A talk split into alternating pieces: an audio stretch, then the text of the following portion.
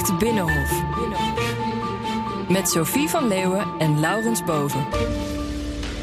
De wandelgangen. Vandaag is geen normale podcast, maar een heel bijzondere Project Binnenhof. Een korte special met een blik op volgende week. Eigenlijk is dit de aankondiging, hè? De aankondiging van het grote event. Aanstaande maandag, 16 december, nemen we de laatste Project Binnenhof op van 2019. Tijdens de ons, door onszelf verklaarde Nacht van de Macht. De aller, allereerste Nacht van de Macht. En dan gaan we een prijs uitreiken, hè, Laurens? Ja. Een hele bijzondere prijs. We zijn ontzettend druk bezig met de voorbereidingen daarvan. De fluisteraar van het jaar. Afgelopen jaar zijn we op zoek gegaan hier op het Binnenhof naar waar de macht zit. Hè?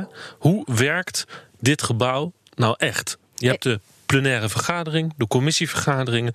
Maar de echte deals worden natuurlijk gesloten in een heel ander systeem van overleg. En er zijn natuurlijk nogal wat deals gesloten in het afgelopen jaar. Denk eventjes aan pensioen- en klimaatakkoorden. En eh, tijdens de Nacht van de Macht maandag... dan leggen we die macht eigenlijk terug bij, bij jullie, bij de, de kiezers. Want jullie hebben gestemd, behoorlijk goed gestemd... op uh, een aantal kandidaten, podcastgasten van 2019.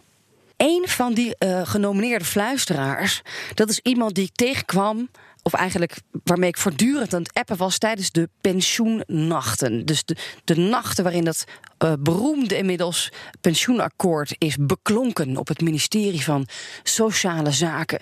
En wie zat daar op de achtergrond keihard of heel zachtjes te fluisteren? Dat was Gijs van Dijk. Dat is een uh, Tweede Kamerlid voor de Partij van de Arbeid. Ik uh, sprak hem vandaag even bij de patatbalie om te vertellen wat hem maandag te wachten staat. Een enorme eer, natuurlijk. Heb je enig idee waarom je bent genomineerd? Um, nou, ik heb het gezien het onderschrift dat erbij staat. Ik heb het vermoeden dat het te maken heeft met uh, de rol die wij hebben gespeeld bij de pensioenonderhandelingen.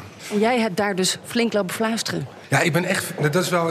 Ik vond het zelf ook wel. Het is natuurlijk een bijster bijzondere periode om ook daar, dat je daar zo mag. Uh, uh, uh, dat je daar zo in mag meedoen en een rol in kan spelen.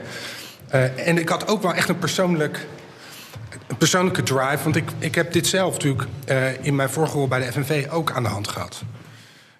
dit hele moeilijke dossier van pensioenen. En toen was het nog niet gelukt, dus ik voelde ook een soort persoonlijke drive, verantwoordelijkheid. Dit nu, moet nu een keer geslagen voor al die mensen die dat nodig hebben. Dus dat gaf me ook een soort energie die gewoon niet ophield. En Van Dijken die zat dus eerder bij de FNV te pushen voor dat akkoord, of op zijn, onder hun voorwaarden. En nu zat hij dus eigenlijk vanuit de Kamer ook uh, en die coalitie te pushen van en de FNV en te appen van jongens, hier gaan we naartoe, daar willen we uitkomen. En heeft een grote rol gespeeld, denk ik, bij de pensioennacht. Vandaar dat hij is genomineerd tot fluisteraar van het jaar. Ja, en het zegt natuurlijk ook iets over hoe dit gebouw functioneert. Omdat hij natuurlijk van de oppositie is. Hè? En dus toch erbij betrokken is. Ja. De scheidslijnen in Den Haag zijn niet zo zwart-wit zoals in andere landen. Andere genomineerden. Dat is uh, Rob Jetten, de D66-leider van dit moment, moet ik zeggen. Want uh, wie de, verkiezing ingaat als leider, dat weten we nog steeds niet. Dat wilde Jetten ook bij ons in de uitzending destijds niet zeggen of hij uh, zichzelf gaat kandideren. Wel beroemd vanwege de klimaatdram dit jaar, hè? Ja, 2019. En, en natuurlijk de man die Klaas Dijkhoff schaakmat zette. Kijk, weet je, het, uh... ik, ik, ik, wat ik heel mooi vond, uh, of, of beeldend vond, is zowel bij uh, het kinderpardon als bij het klimaatakkoord heb ik hele nachten doorgebracht op ministeries om VVD en CDA tot dat kinderpardon te brengen of tot een ambitieus klimaatakkoord. En op diezelfde avonden verschenen er dan foto's van het zaalvoetbalteam van GroenLinks op Instagram. Ja, ja we, we, hebben dus een, een, beeld van een, een, een Robjette die op die ministeries uh, toch wel keihard ook heeft onderhandeld, lo heeft lopen fluisteren. En als je kijkt naar de resultaten, uh, klimaatakkoord, best wel wat voor elkaar heeft ja, gekregen. Hij natuurlijk twee voorbeelden waar hij heel erg trots op is: hè, kinderpardon en klimaatakkoord. Maar ook hiervan zie je weer, het, deze coalitie hier zit de ware macht bij de fractievoorzitters. Dat zijn dus die nachtenlange of dagenlange vergaderingen van de partijleiders met de premier en de vicepremiers op de ministeries. De uh, ministers zijn vaak uitvoerders van het beleid van het coalitieoverleg.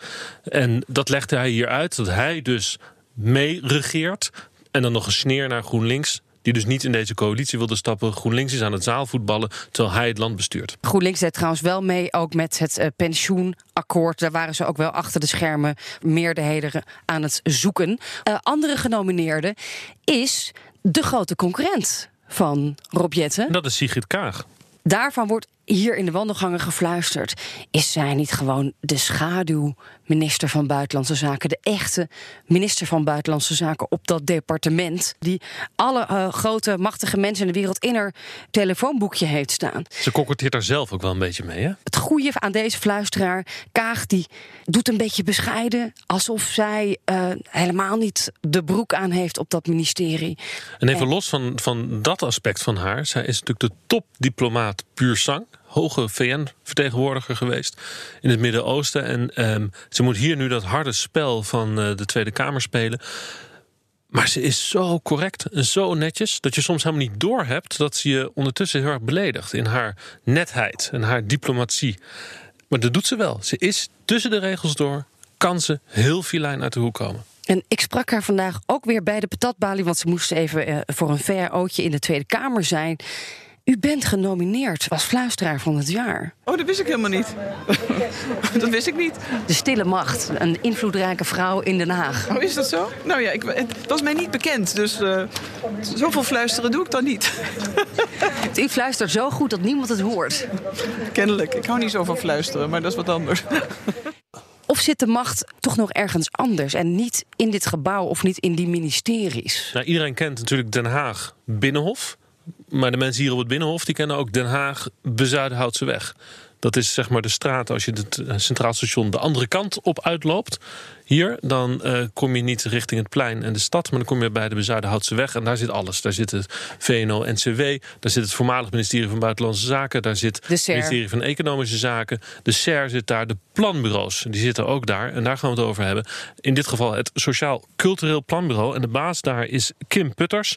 En dat is de, de staatsopiniepeiler. Hij meet het, de toestand van het volk. Hoe denkt de gewone Nederlander? En hij bespreekt dat met letterlijk de hele politiek. Simon Buma, de voormalig CDA-leider, daarvan is bekend dat hij altijd de rapporten van Kim Putters in zijn tas dag en nacht bij zich had. Om zo belangrijk is die man en zo belangrijk zijn zijn analyses. En, en Kim Putters is dan de fluisteraar, de man die de grote draai naar de middenklasse dit jaar in 2019 mogelijk heeft gemaakt in, in dit gebouw. En ik vond deze troonrede, ja, die, die vond ik eindelijk een beetje. Ja, ik, ik had het gevoel dat ik meegenomen werd met hoe staan we ervoor en waar gaan we heen. Maar dat was dus jouw idee en bij wie heb je dat ingefluisterd? Nou, dit heb ik openlijk gewoon op allerlei plekken gezegd. Ik geloof dat ik het ook wel eens tegen de minister-president gezegd heb. Nou, niet, niet, niet recent hoor, dus het is niet rond ja, deze hoe kan het dat het niet zo fijn was nou, voor fijn. jou? Wie nou, heeft hem eigenlijk geschreven? ik ben niet Jij helemaal. niet, nee, maar ik, nee, ik ben niet helemaal tevreden. Nou ja, ik zou hem bijna geschreven kunnen hebben, want wat ik, het is niet zo. Kim Putters dus, um, de grote middenklasse Hij draai. schrijft niet de troonredes, maar hij is dus wel de inspiratie voor de troonredes. Zelfs de koning praat hem na. Ongelooflijk. Dus Ja. een goede kandidaat, denk Die ik. komt trouwens niet, hè, aanstaande maandag bij onze Nacht van de Macht, de oh, koning. Oh, de koning komt niet.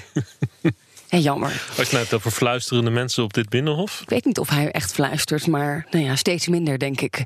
Andere grote machtsblok natuurlijk in Den Haag, ook wat leidt tot veel frustratie soms in de Tweede Kamer, is natuurlijk Brussel. Een plek waar we deze weken heel veel over hebben met de nieuwe Europese Commissie en eh, de Green Deal die is gepresenteerd.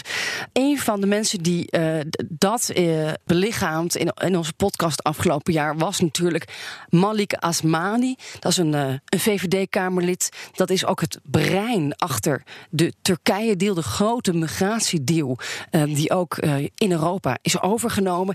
Die was zo gefrustreerd dat hij is opgestapt. En met de Europese verkiezingen eh, naar Brussel en Straatsburg is gebonjourd. En heeft daar een hele mooie promotie gemaakt. Werd first vice president van de Europese Liberalen. De Renew Europe-fractie. Dus dat is Ja. de oude ALDE-fractie. En wat ik zo leuk vond aan, aan die podcast die we met hem hebben opgenomen, is dat hij daar zo open vertelde over dat Den Haag eigenlijk geen macht meer heeft. Dat de besluiten in Brussel worden genomen. En dat dat de reden is waarom hij dus Den Haag verlaat. We hadden het eigenlijk over het inkleuren van kleurplaten. Dat is een beetje wat wij hier aan doen zijn in Den Haag. Mijn interesse lag in die grote, Laurens, in die grote vraagstukken. Ja. En dat, eh, ja. Nou, ik vind het heel leuk dat je dat zo zegt. Dat je dus eigenlijk gewoon echt eh, zegt... nou, in Brussel ligt de macht, ik wil bij de macht zijn. Dat, is, dat vind ik... eh, en, dan zeg je niks. Dan, dan zeg je net, dan kijk je alsof ik iets lelijks zeg. Maar dat is toch... Dat is niet ijdel hoor, hij meent het. Je bent bang voor ijdelheid. Je, je bent, nee, maar dat is... Ja, Ja, ja nou, dat, daarom, zit ik, eh, daarom ben ik daar naartoe gegaan. Ja, Ja, dat precies. is een bewuste keuze geweest. Ook weer zo iemand die dan heel bescheiden doet, hè? net als Kaag. En ik, ik ben helemaal niet ijdel, maar ondertussen even een Turkije-deal regelen. ja. En eh, iedereen influisteren wat ze moeten doen, zelfs de Sociaaldemocraten. ja. Ongelooflijk.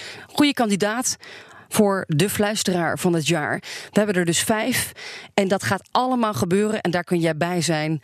Aanstaande maandag 16 december in het grote fluistercafé. Nieuwsport. Nieuwsport. Ja, normaal gesproken eh, natuurlijk de plek waar de microfoons uit moeten. Want eh, wat daar gezegd wordt, blijft onder ons. Althans, blijft niet onder ons, maar je mag nooit zeggen wie het heeft gezegd. Als je iets hebt gehoord in Nieuwsport, zo zijn de regels. We gaan die code keihard breken maandag Zeker. op het podium. Met een paar hele leuke gasten. Gerard van der Wulp. Dat is een eh, oud hoofdredacteur van de NOS, onze staatsomroep. Ehm, hij was woordvoerder ook van eh, Ruud Lubbers, de beroemde CDA-leider en premier. En hij was ook nog directeur-generaal van de Rijksvoorlichtingsdienst. Nou, als, als die niet weet wat fluisteren is, dan weet ik het niet Hij meer. kent Den Haag van alle kanten, van binnen en van buiten. We hebben ook een, eh, een tweede panellid, dat is eh, Wilco Boom. Heeft ook in onze podcast gezeten het afgelopen jaar. Dat is namelijk de voorzitter van de Raad van Toezicht van Nieuwsport. Die weet ook heel veel over fluisteren, hoe daar gefluisterd wordt. En tegelijkertijd eh, een concurrent van ons, hè? We halen gewoon de concurrentie in de podcast. Ja, weer een. NOS ja, Radio. En NOS, dat zijn gewoon ook best wel goede, goede verslaggevers. Het doet namelijk ook het oog op morgen. Dat vind ik een mooi programma. Maar we hebben ook wel een, eh, een, een BNR. Columnist en journalist aan de debattafel zitten natuurlijk. Los van Laurens en- mijzelf komt Jaap Jansen langs. Dat is de maker van ook de politieke podcast Betrouwbare Bronnen. Zij met z'n allen discussiëren over het afgelopen jaar, de fluisteraars. En waar zit nou precies die macht? De week van Kees. Ja, deze week natuurlijk ook even een aparte eh, eh, week van Kees. Want eh, Kees is deze week niet de gebouwen ingegaan op zoek naar een reportage op een geheime plek van dit gebouw. Maar Kees is die Nacht van de Macht aan het voorbereiden voor aanstaande maandag. En Kees, hoe gaat het met de voorbereidingen? Ja, de, de voorbereidingen voor de Nacht van de Macht zijn in volle gang. Inmiddels zijn de, de gasten rond en de afspraken met Nieuwsport gemaakt. Ja, jij bent volgens mij heel hard bezig geweest met het tellen van bitterballen. Zeker. De beste slager van Den Haag, Dungelman, doneert maar liefst duizend bitterballen. Bedankt, eh Doneert, slager. echt waar, serieus? Ja, zeker. En samen met Hoeven we er niet voor te betalen? Nee, helemaal gratis. Dat is de donatie van Dungelman. We hebben ze nu benoemd. Als u doneert, dan noemen we je naam. Ja. Volgens mij, jij organiseert er ook Jong Nieuwsport, de pubquiz. Nee, nee, de concurrent, de betere. Oké. De Prinsjes Pubquiz. Ja, er zijn twee pubquizzen in Nieuwsport altijd. En daar komen ook altijd bitterballen langs. Die worden ook Precies. allemaal, dat zijn diezelfde. Precies, geheim van de chef. Oké. Ja, en jij zorgt dus ook even dat die zaal helemaal bomvol zit met eh Dat is natuurlijk slim, hè? Je moet ook weten waar je sponsort. Als je dus eh, hier in, de, in het centrum van de macht sponsort, dan eh, sponsor je op hoog niveau.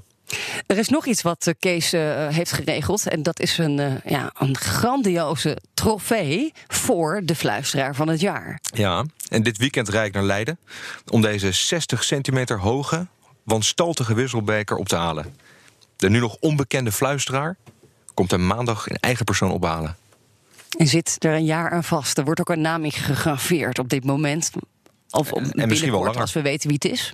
Misschien wordt het nog wel met een jaar verlengd. Ik heb heel medelijden met degene die deze wanstaltig, wanstaltige eh, trofee op de schoorsteenmantel moet gaan zetten.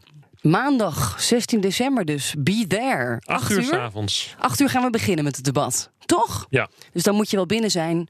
En dan komen ook die bitterballen. En we, krijgen, we hebben voor 600 Inloop euro aan bier. acht. Toch? Klopt. 600 euro aan bier. Dus wees op tijd. Dan kun je er nog één of twee mee pikken. Nieuwsport, Den Haag. Tot maandag. Project Binnenhof.